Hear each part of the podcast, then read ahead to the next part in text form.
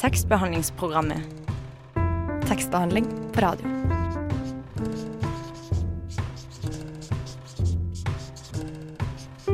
Tekstbehandlingsprogrammet.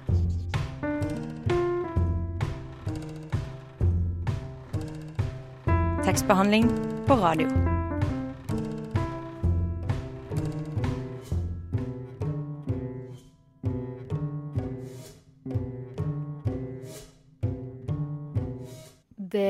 Er eh, onsdag morgen, og du hører på tekstbehandlingsprogrammet her på Radio Nova. Mitt navn det er Mari Nyberget, og med meg i studio er du, Johanne Furnes. Hallo. I dagens sending så får vi besøk av forfatter Ida Hegasi Høyer, som bl.a. har gitt ut novellesamlingen 'Historier om trøst'. Redaksjonsmedlem Robin har også laget et innslag om Bob Dylan, som vi skal høre senere i sendingen. Men aller først så skal vi bli med tidligere redaksjonsmedlem Ylva Nordbø, som har kikket litt i bokhylla til kråkesølvbassist Petter Unstad. Hvorfor skal man ha bokhylle i dag? Kan man ikke egentlig bløffe litt med en bokhylle? Hat og krim. Det er ingen krimbøker i hylla. Bokhyllegenerasjonen. Bokhyllespalta? Jeg tror i hvert fall både jeg og Fredrik det er vi som leser mest. Eh, og det er også vi som skriver mest. Jeg tror vi stjeler ganske mye sånne småting som forfattere formulerer veldig bra, som ofte da setter deg i gang.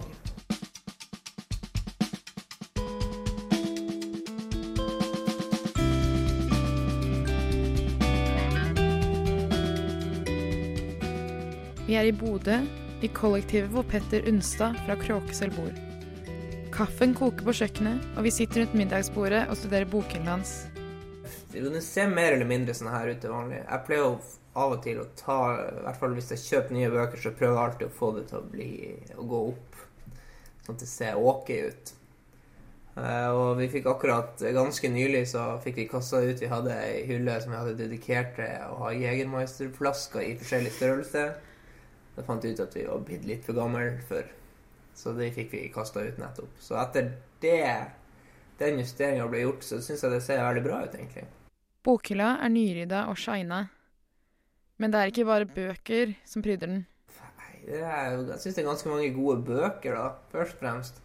Så er det jo selvfølgelig eh, eh, Kongefamilien i babusjka-versjon. Det er veldig bra. Det er jo veldig fint, for jeg kjøpte han kong Harald, som er den største. Jeg trodde kanskje bare det var én. Og så åpna han og så at dronning Sonja var inni, og så åpna han og så at kronprins Haakon var inni der igjen. Jeg var så, det, derfor har den fått hedersplass på hylla. da. Så den er veldig fin. Og så er det selvfølgelig bowlingmedaljene som er øverst for Kroksøl bedriftslag i bowling. da. Petter liker bowling, men han liker kanskje enda bedre å lese. For i bokhylla så er det ikke bare babusjkaer og medaljer. Hvilken sjanger er vanlig roman om folk som plages? Det syns jeg er fint. Jeg hadde, Da jeg var var det fantasy som var fett. Men det er kanskje Det var litt mer sånn Harry Potter og Lord of the Rings og de gode greiene der. Nå holder jeg på med Dostojevskij. Det er en ung manns historie. Cool. Um, eller liker du å lese den, eller leser du den litt sånn bare for å ha lest den? Mm, nei, jeg liker veldig godt å lese den. Den er egentlig Jeg lurer på om det kanskje er av de litt lettere lettere Dostojevskij-bøkene. Jeg skulle anbefalt Jeg tror det en bok som jeg tror alle har veldig godt av å lese. Den står det en av de jeg har eh, 'Frihetens øyeblikk' av Jens Bjørneboe. Er, jeg lærte for jeg lærte veldig mye av den. Det er en slags sånn her eh, eh, positiv eh, negativitet i den som Jeg følte egentlig at den lærte meg at, eh, at det går bra å plages litt. Det er ikke alle sjangere som får æren av å være i Petter Unstad sin bokhylle. Hat og krim. Det er ingen krimbøker i hylla. Um, men du virker som du er glad i bøker, da. Har du liksom vokst opp med mye bøker og lesing? Eh, vi begynte å lese, jeg og broren min, ganske tidlig, i hvert fall. Og ble ganske flink. Flink til å lese. Eh, men det har ikke vært sånn her eh, jevn flyt av at det alltid har vært mye bøker. Men eh, alltid likt eh, veldig godt å lese. Jeg liker veldig godt den nederste hylla. Der er det mye rart. Og jeg liker kanskje spesielt eh, biografiseksjonen, der du får eh, fotballegenden Dennis Bergkamp attmed eh, Nirvana, trommis og Foo Fighters frontfigur Dave Grohl og Adolf Hitler. Det, det syns jeg er veldig, en veldig fin seksjon av bokhylla. Uansett, du spiller jo band, og er du med på å skrive noen låter og sånn, eller? Jeg skriver ca. 40% av materialet. Mhm. Jeg tror i hvert fall både jeg og Fredrik det er vi som leser mest. Eh, og det er også vi som skriver mest. Jeg tror vi stjeler ganske mye sånne småting som forfattere formulerer veldig bra, som ofte da setter deg i gang. For Det er ofte bare en god formulering du trenger for å klare å finne ut hva du skal skrive. To vers og et refreng på. Eh, Det er veldig mye kred i hylla her. Med masse Bjørneboe og Mykle og Sigurd Hoel og Hemingway. Jeg tror kanskje de havna på en slags sånn her eh, Og solen går sin gang. Hemingway. Det er litt sånn her eh, ungdommelig eh, apati og tiltaksløshet og mye drikking og Jeg tror kanskje det er meg akkurat nå. Eller de siste årene av livet mitt aktiv. Etter en kopp med deilig kaffe og nøye gjennomgang av bokhyllen til Petter Unstad, er det på tide å komme seg ut i kulden igjen. Men det betyr ikke at kvelden er over for Kråkesølvbassisten. Så her fikk jeg melding om jeg kan bowle etter møtet. Det var A-listelåta Poster Boys sin første singel, Best Friends, du hørte der.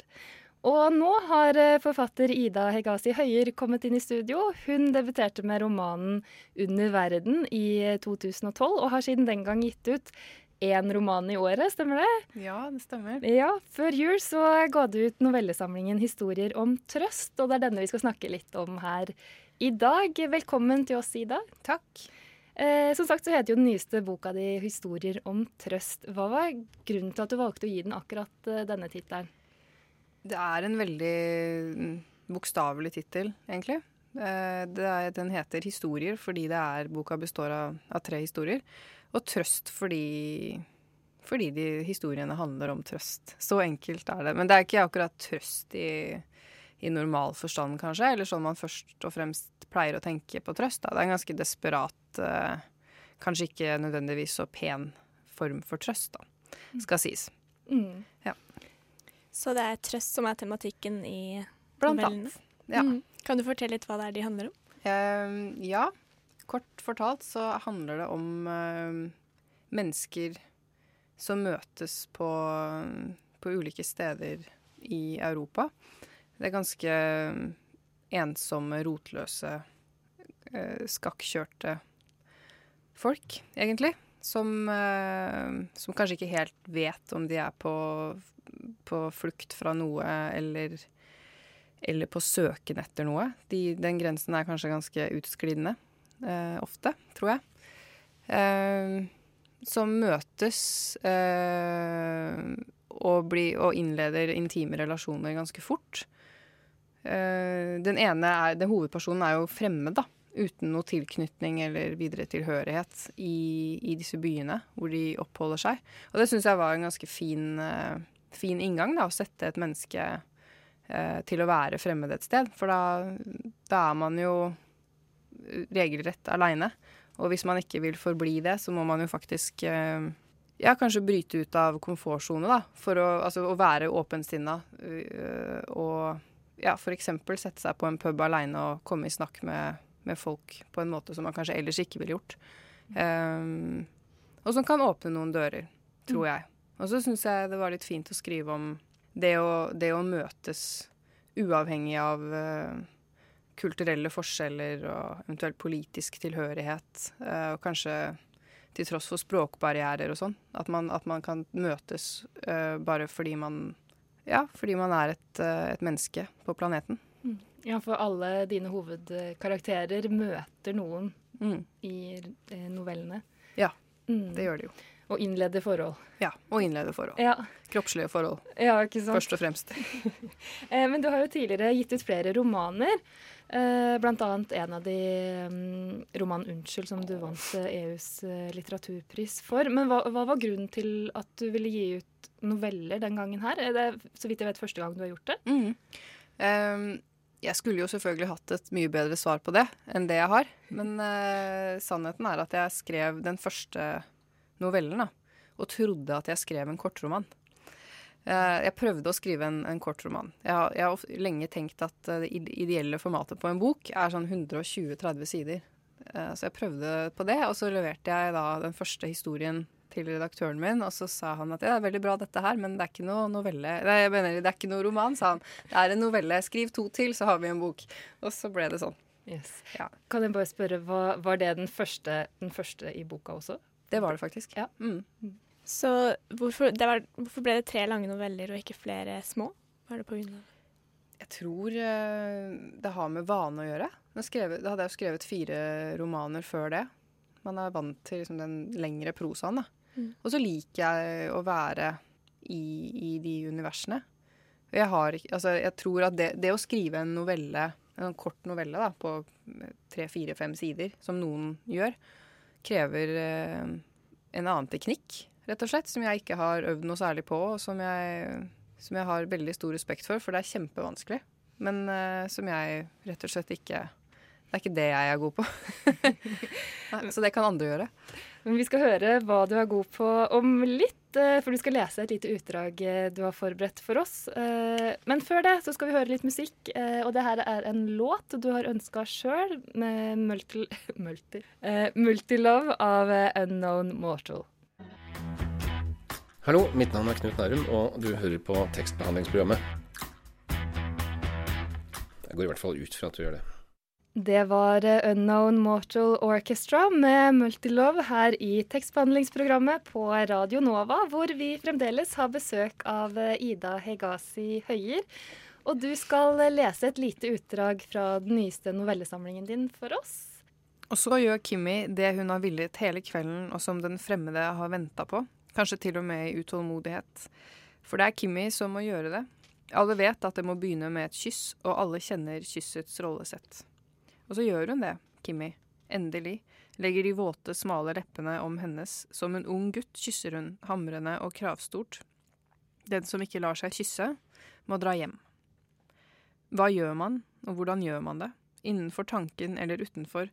Allerede her, idet hun griper om den tynne nakken hennes, forsvinner spørsmålene.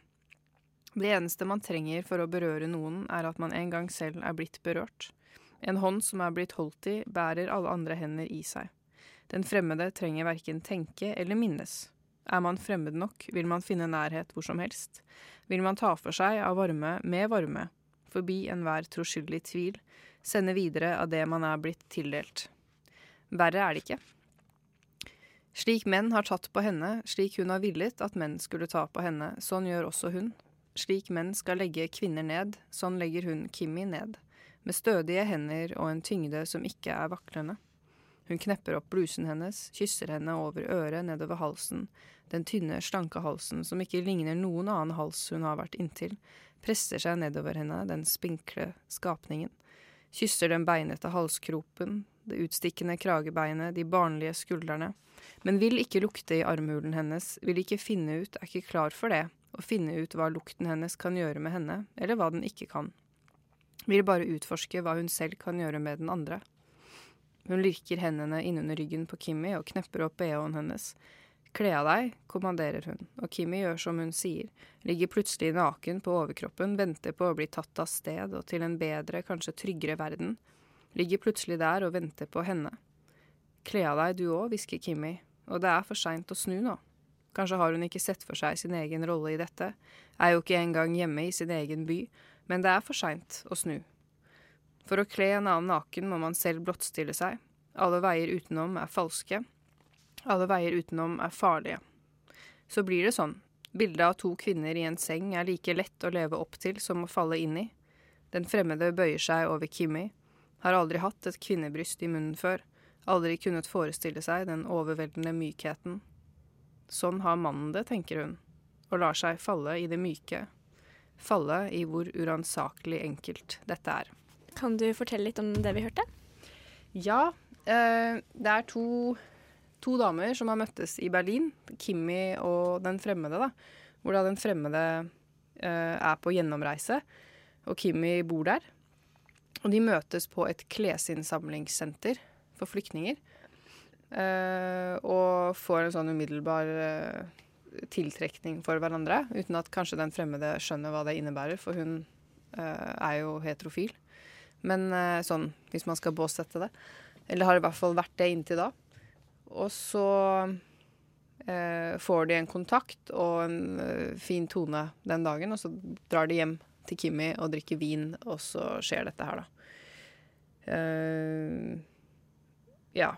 Og jeg syns det er eh, interessant at, eh, at mange tenker på på det å være homo eller hetero som noe veldig fastsatt, da.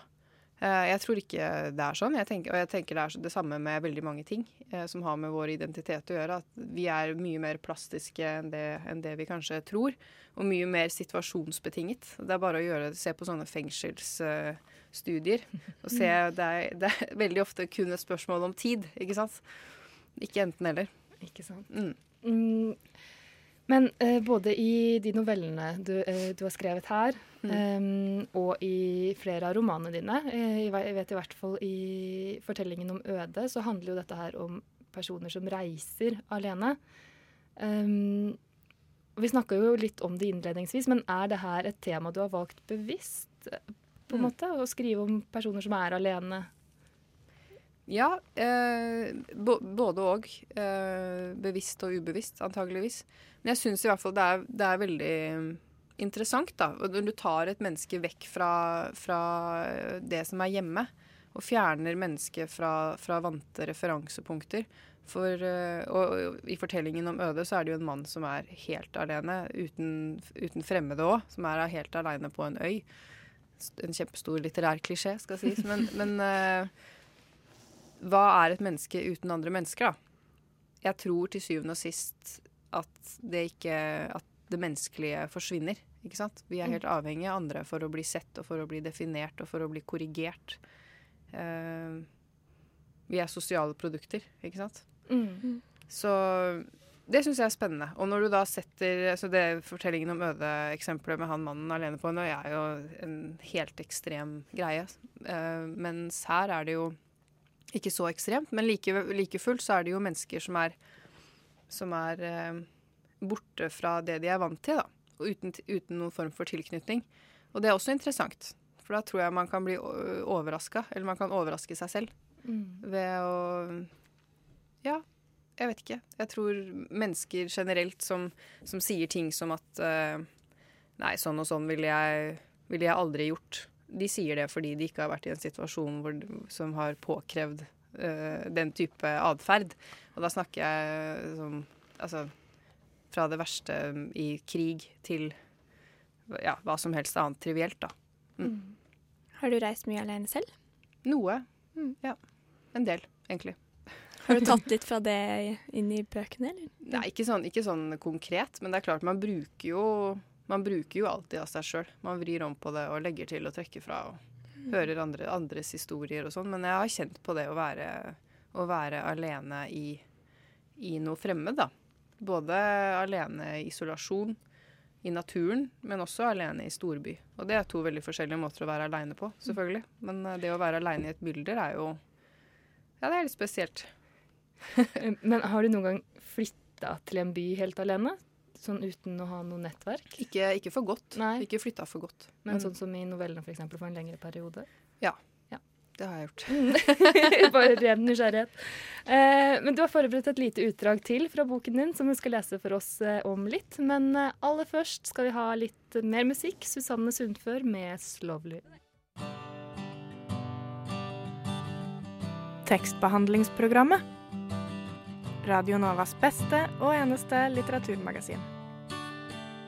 Du hører fremdeles på tekstbehandlingsprogrammet Radio Novas eneste og beste litteraturmagasin. Og Ida, du er fremdeles med oss og skal lese et lite utdrag fra novellesamlingen din, 'Historier om trøst'. Kan du si litt om det du skal lese for oss først? Ja. Det er um, et utdrag fra første historien, som finner sted i Lisboa. Det er da to, uh, en, en, mann og en dame som er på date for første gang. De har møttes en uke før, og de vet ingenting om hverandre. Uh, han er, han er uh, litt eldre enn henne, og ganske sånn mystisk type. Og så sitter de på et, på et utested, og så, så, er det rett og slett en, en dialog da, som jeg skal lese. Hvor man kanskje merker at noe ulmer i han, da. At han kanskje ikke er verdens snilleste fyr. Vet du hvem min favorittforfatter er? Han vender overkroppen mot henne, legger armen bak sofaryggen. Eller forfatterinne, burde jeg vel si. Du som studerer språk, du leser vel en del? Selvfølgelig, svarer hun. Jeg leser en del. Litt pinlig blir det for dem begge at hun likevel ikke har hørt om denne forfatterinnen. Han, hun er veldig berømt, sier han. Det hjelper fint lite. Han gjenforteller en av novellene hennes. Det er en ganske bisarr fortelling, sier han. Den begynner med et vanlig middagsselskap. En familie som har invitert en annen familie hjem til seg. Det er i USA, men kunne jo vært hvor som helst. Det er på 50-tallet, men kunne vel like gjerne vært nå. Alt er ordinært. Alt er kjedelig. Voksne og barn rundt et bord, pen duk på bordet, vin i glassene etc. Men så, og de brunsvarte øynene hans tar til å blinke. I delstaten de bor, har det den siste tida skjedd noen grufulle drap. Og det er disse drapene som er samtaletemaet rundt bordet. Se, alt er jovialt og vanlig. Det serveres mat, maten komplimenteres, og så snakkes det om disse drapene. Helt hverdagslig, helt trivielt, på den allmenne måten man snakker om grusomme hendelser. Den eneste måten. Huff, så forferdelig, jeg forstår ikke hvordan noen kan gjøre noe sånt, osv. Han tar en slurk vin, tømmer nesten halve glasset, er engasjert nå bortimot livlig. Og så mens de snakker om disse drapene, og om hvilken engstelig situasjon det er å ha en drapsmann eller drapsmenn på frifot i nærområdet, kommer en bil rullende langs veien, sakte, en bil de ikke kjenner fra før. Hvem kan det være, spør de seg idet den stopper ved innkjørselen. Kanskje tenker de at noen har kjørt seg vill, eller at noen vil forsøke å selge dem noe, jeg husker ikke, men uansett, ingen av dem uroer seg. Det de frykter er lenger ute, tror de, som fra en annen verden. Mennesker er jo så enkle og dumme, tror jo aldri at noe fælt noensinne vil kunne ramme dem. Det kan brenne hos naboen. Vi tror ikke brannen vil spre seg. Sånn er vi. Og sånn er disse menneskene i fortellingen også. De tror de er trygge. De er hjernevasket av en trygghetsidé. Så banker det på døra. Og? Hun ser på ham med lysende forventning. Det banker på døra, og så, hva skjer videre, spør hun. Han ler. Det er første gang hun hører latteren hans, at han ler på innpust, en latter som ikke er smittsom. Hva tror du, spør han tilbake. Hva tror du de vil, de som banker på? Du får lese novellen, sier han. Det er en klassiker. Mm, hvor lang tid var det du jobbet med novellesamlingen? Begynte du rett etter eh, fortellingen om Øde, eller skrev du parallelt? Jeg begynte ganske rett etterpå. Jeg skrev ikke parallelt. Jeg, jeg, jeg begynte jeg, først med et annet manus og så la jeg det vekk, og så begynte jeg på denne, denne første historien da, fra Lisboa til å begynne med. Eh, hvordan jobbet du, eller hva slags research eh, gjorde du? du? Har du bodd i byene selv, eller eh, de du har skrevet opp? Ja, det, det begynte eh, Lisboa-novellen begynte i Lisboa, faktisk. For jeg var, jeg var der i, i, noen måneder i vinter. Eh, så, så, blir det sånn at du, du, kommer til et annet sted og tar inn jeg har, jeg har venner derfra, for jeg var utvekslingsstudent der uh, for lenge siden, på videregående. Og så har jeg bare fortsatt å dra tilbake til Lisboa siden. For meg er det verdens fineste by. Uh, men uh, så vandrer man rundt der, og så tar man inn byen, og så hører man historier, og så leser man annen type litteratur, og så, og så bare la jeg det jeg holdt på med, vekk. Og så skrev jeg den. Mens de andre novellene skrev jeg ikke mens jeg var i Jeg har jo vært i disse andre byene òg, Brussel og Berlin, men uh, ikke samtidig som jeg har skrevet om dem. Da. Men jeg kjenner godt til dem. Mm. Ja. Møtte ingen uh, skummel mann, holdt jeg på å si, i Lisboa? Sånn Heldigvis så slapp jeg unna å møte en psykopat i Lisboa. Mitt eget liv er ikke like spennende. Heldigvis, får man si da. Men uh, novellene har ikke fått noen egne navn. Er det en grunn til det? Uh, igjen så, litt sånn kjedelig svar på det, men uh, jeg prøvde til å begynne med å gi dem titler. Uh, jeg hadde ikke noe sånn Jeg hadde ikke noe, noe uh, ønske om at de skulle være tittelløse til å begynne med. Jeg hadde ikke en sånn veldig intendert mening med det. Men uh, jeg fant rett og slett ingen titler som jeg Vi prøvde en hel rekke forskjellige, bare falt ikke ned på noen. Og så tenkte jeg, men må man ha tittel, da? Nei, jeg måtte ikke det. Så, det, så enkelt var det. Så ble det bare sånn. Det gikk helt fint. Eh, den siste sangen som du har ønska deg i dag, eh, som vi også skal spille, det er High As A Kite med 'Lover Where Do You Live'. Og den kommer her. Her i tekstbehandlingsprogrammet hørte du nettopp High As A Kite med 'Lover Where Do You Live'. Eh, Ida Hegazi Høyer, du har en bachelorgrad i, i, sosiologi fra Universitetet i Oslo. Eh, tror du den har påvirket skrivingen din på noen måte? Det tror jeg. Jeg studerte sosiologi pga. skrivinga. Jeg husker ja. at jeg vurderte om jeg egentlig burde tatt litteratur. Men så, så hadde jeg en veldig hang til uh, å, å, gå samfunnsfag, rett og slett. Så det har vært det var veldig fint. Fordi man går og Jeg begynte å studere ganske, ganske gammel da jeg var 27. Um, ehm, hadde hatt en del ulike typer jobber og reist en del. Og, gjort, altså Man går rundt og undrer på så mye rart om liksom, hva som skjer i sosialt liv. Og, og sosiologi var helt uh, åpenbarende i forhold til å få noen knagger å henge de tankene på. da. Mm. Sette ting i system. Så det var, det var veldig Det ble ryddig i hodet, rett og slett. Vi snakket jo om her i stad alternative yrker, og du sa detektiv. Var det litt med saken å gjøre, eller?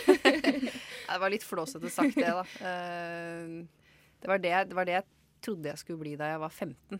Jeg hadde kanskje ikke valgt det akkurat i dag, hvis Nei. jeg skulle bytte nå. Men eh, det var liksom drømmen da. Sosiologien går kanskje litt inn på litt utforskning og Ja da, det gjør jo det, for så vidt. Men uh, jeg, tror var, jeg, tror det var, en sånn klisjé eh, uten så veldig mye rot i virkeligheten, akkurat den drømmen der. Jeg tror ikke detektivyrket er så spennende som, som, det man tror når man har lest Nancy Drew. Men eh, når var det du visste at du ville bli forfatter? Det visste jeg da jeg var 22. Mm. Jeg, jeg har jo skrevet eh, hver dag siden jeg kunne skrive. Eller hver dag, jeg skal ikke si det så bastant, men så å si, da. Så har jeg jo alltid gjort det. Og alltid hatt det som en veldig integrert, naturlig del av, av dagen min. Men en, kanskje fordi det var så, så, vanlig for meg, så tenkte jeg ikke på det som noe yrkesretning. Det var nesten litt rart at jeg ikke vurderte det tidligere, men uh, det var altså først i starten av 20-åra at jeg begynte å tenke at herregud, du gjør jo dette hver dag uansett. Du kan like gjerne prøve å, prøve å gjøre det til, eh, til et, slags, til et uh, ja, levebrød, da. Som nevnt innledningsvis så har du jo utgitt én bok i året siden du debuterte i 2012. Mm. Eh, Kommer vi til å se en ny utgivelse av deg i 2017? Jeg vet ikke. Eh, jeg sitter og jobber med et manus. Det er ganske vilt og foreløpig ustyrlig. Eh, men eh, jeg, vet faktisk ikke. Jeg, vi får se. Kanskje. Vil du si noe om sjanger? Blir det noveller den gangen? Nei, da, blir det, da blir det nok en roman. Mm. Eh, det var eh, alt vi rakk i denne omgangen her. Eh, tusen takk for at du kom hit til oss i tekstbehandlingsprogrammet. Tusen takk for at jeg fikk komme. Jonas V han er en del av Bergens voksne rappmiljø, og her kommer låta hans 'Aldri ned'. Én, to, tre. T-E-K-S-T-B-E-H-A-L-D-L P-S-P-R-O-G-A-M Tekstbehandlingsprogrammet på Radio Nova. Jonas V med A-listelåta 'Aldri ned' hørte vi der. Og nå skal vi få et eh, innslag, for det er ikke så ofte at vi får besøk av en nobelprisvinner her i Oslo. Men i går var Bob Dylan i byen for en konsert på Oslo Spektrum. I den anledning har vårt redaksjonsmedlem Robin van de Valle laget en litterær analyse av en av hans tidligere sanger, 'Subterranean Homesick Blues'. CO 85275 Subterranean Homesick Blues, number 10, take one.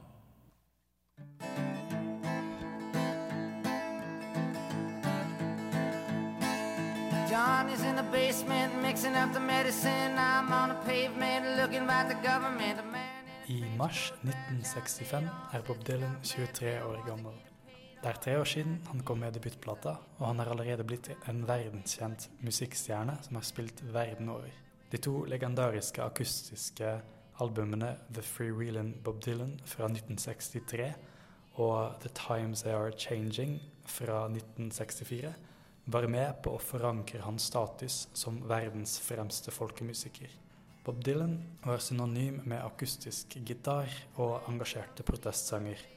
Sanger som 'Blown in the Wind', How many roads must a man walk down? Hard Rain's Gonna Fall og The Times They Are Changing Oh, the times they are a-changing. var blitt instant-klassikere, og Bob Dylan hadde for lengst fått merkelappen sin generasjons stemme, The Voice of His Generation, eller til og med den nye Messias, den nye Shakespeare.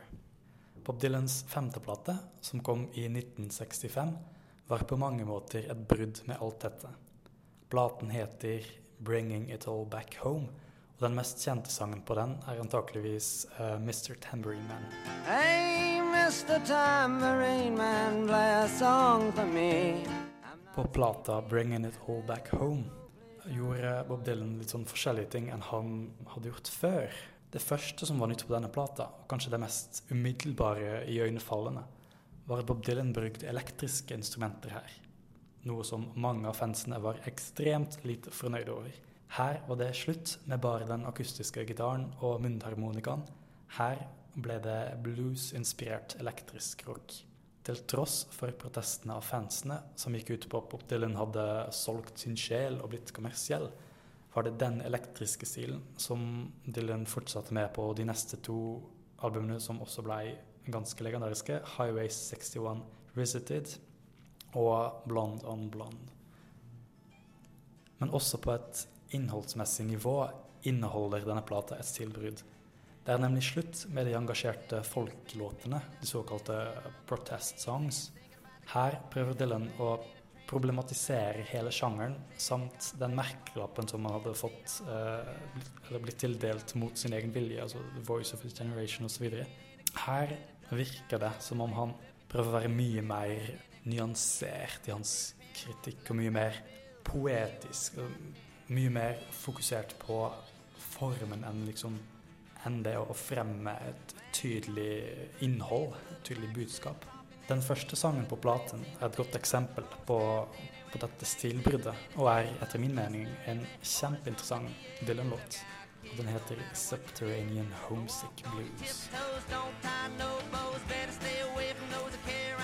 Den musikalske stilen på denne Subterranean Homesick Blues er inspirert av uh, Chuck Berry, 'Too Much Monkey Business'. Running to and fro, hard working at the mill, never fail in the mill, yet come a rotten bill. Too much monkey business, too much monkey business. Stilen er som sagt blues-inspirert. Det har en slags R&B, rhythm and blues, uh, beat under det der. Og så teksten blir ikke sunget på en sånn veldig lyrisk måte. Det blir liksom, liksom mer sånn rap. Mer sånn monotont, mer monoton måte å fremføre teksten på. Um, så det er noen som har kalt den låten som den første rap-låten, faktisk. Så på den ene siden er det altså stilistisk um, fornying. På et innholdsmessig plan, hvis vi ser på denne låten, er det også mye som er forskjellig fra de tidligere sangene. Her er det mye mer kaotisk. Her er det en ganske lang tekst for å være en ganske kort låt. Det er bare to, litt over to minutter, mens teksten er ganske lang. Og teksten er delt inn i fire deler, fire strofer. Den første delen av teksten begynner med en skildring av en person som heter Johnny.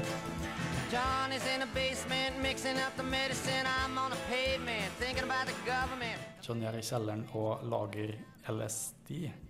Og I'm on the pavement thinking about the government. Og så forflytter fokuset seg fra dette jeget til en mann, en uh, uteligger. The man in the trench coat, badge out laid off, says he's got a bad cuff, wants to get it paid off. Og så kommer den linja 'Look out, kid'. Den linja kommer igjen i alle de fire strofene 'Look out, kid'. Look out, kid, it's something you did. Så da er spørsmålet hva handler dette om? Hva er det som du har gjort? Har det å gjøre med den uteliggeren? You only got ten.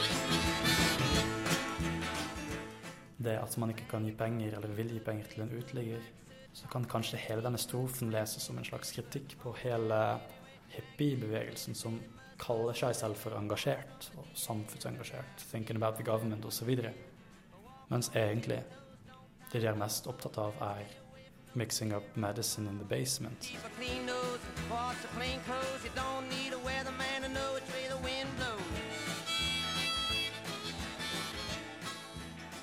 Det er selvfølgelig mange interessante ting ved denne låten.